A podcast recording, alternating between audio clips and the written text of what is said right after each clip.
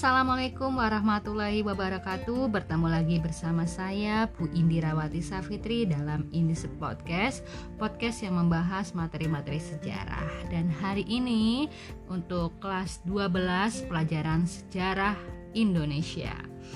Baik anak-anakku, Bu Indi akan membahas tentang peran Indonesia dalam panggung dunia. Langsung saja Indonesia menganut yang namanya politik bebas aktif. Nah, jadi sejak Muhammad Hatta menyampaikan pidatonya berjudul Mendayung di antara dua karang di depan sidang BPKNIP pada September 1948 Indonesia menyatakan bahwa menganut politik luar negeri bebas aktif. Jadi bebas itu artinya Indonesia menolak masuk dalam blok mana pun dari negara-negara superpower.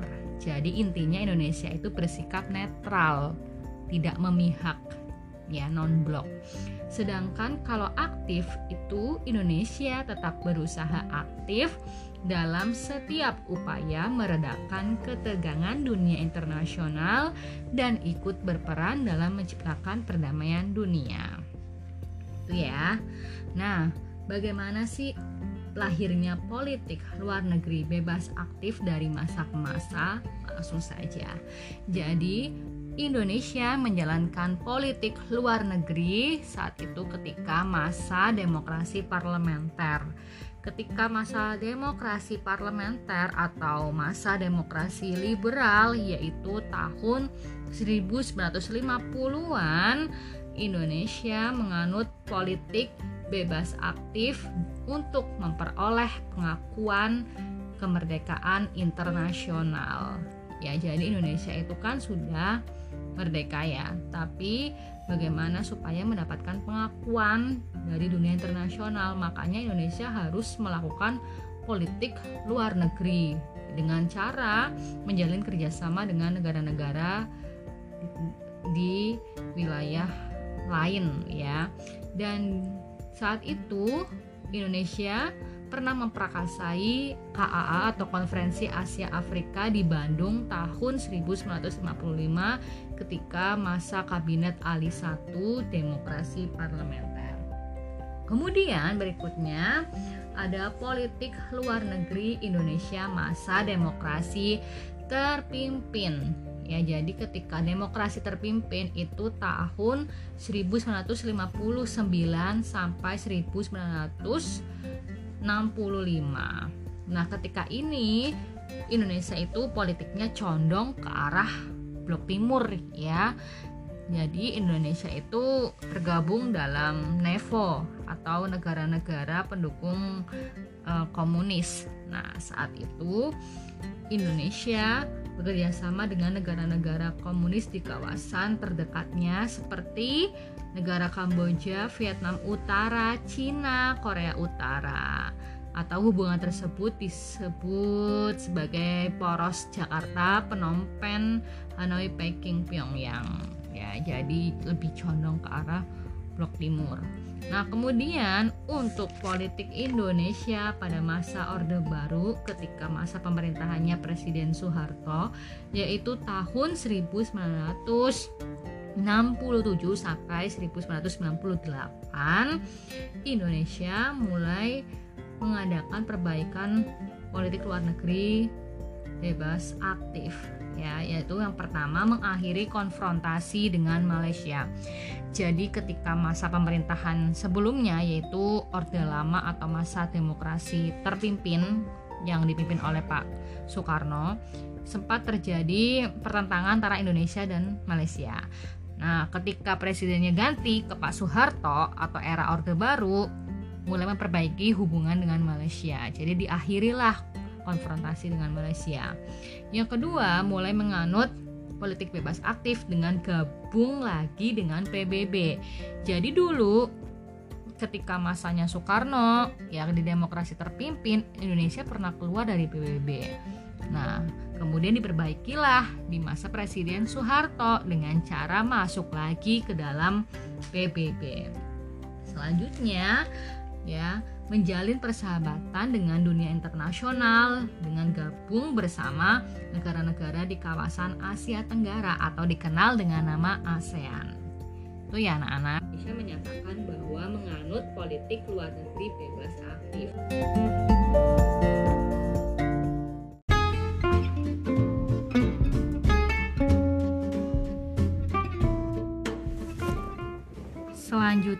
Pada masa era reformasi.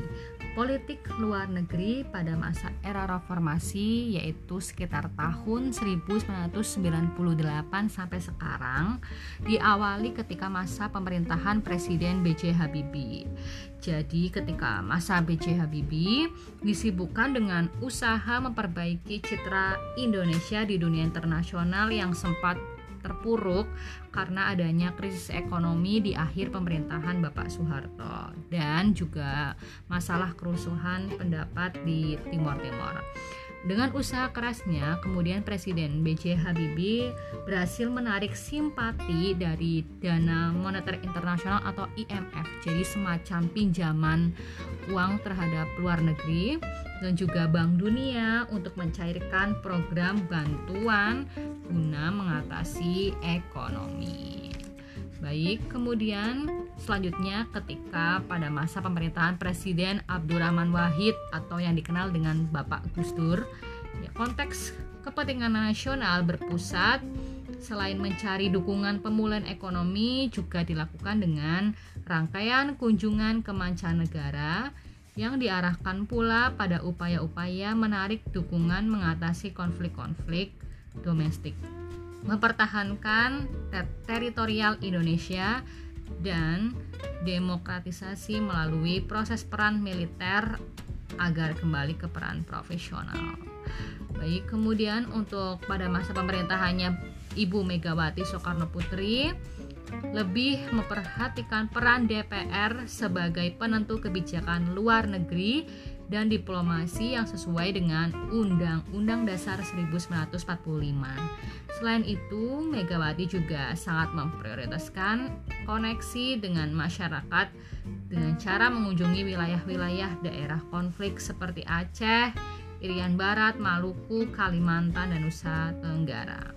Sedangkan pada era Presiden SBY atau Bapak Susilo Bambang Yudhoyono, ciri politik luar negeri Indonesia yaitu dengan membentuk kemitraan-kemitraan dengan negara lain.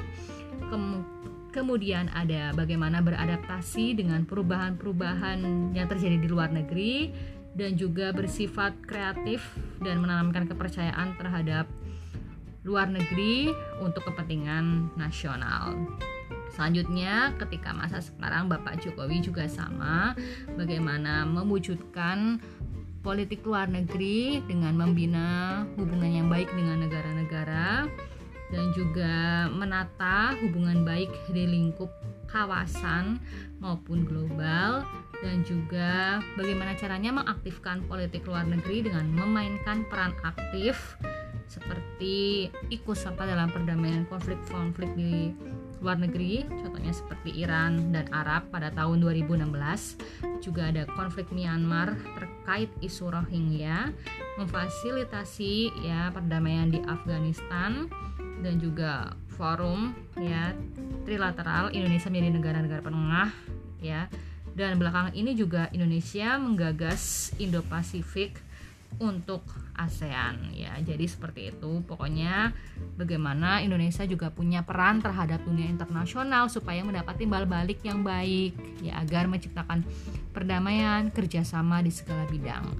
Baik anak-anak, itu saja materi yang hari ini kita bisa pelajari dan kita akan membahas materi berikutnya untuk pertemuan selanjutnya. Terima kasih saya akhiri. Wassalamualaikum warahmatullahi wabarakatuh.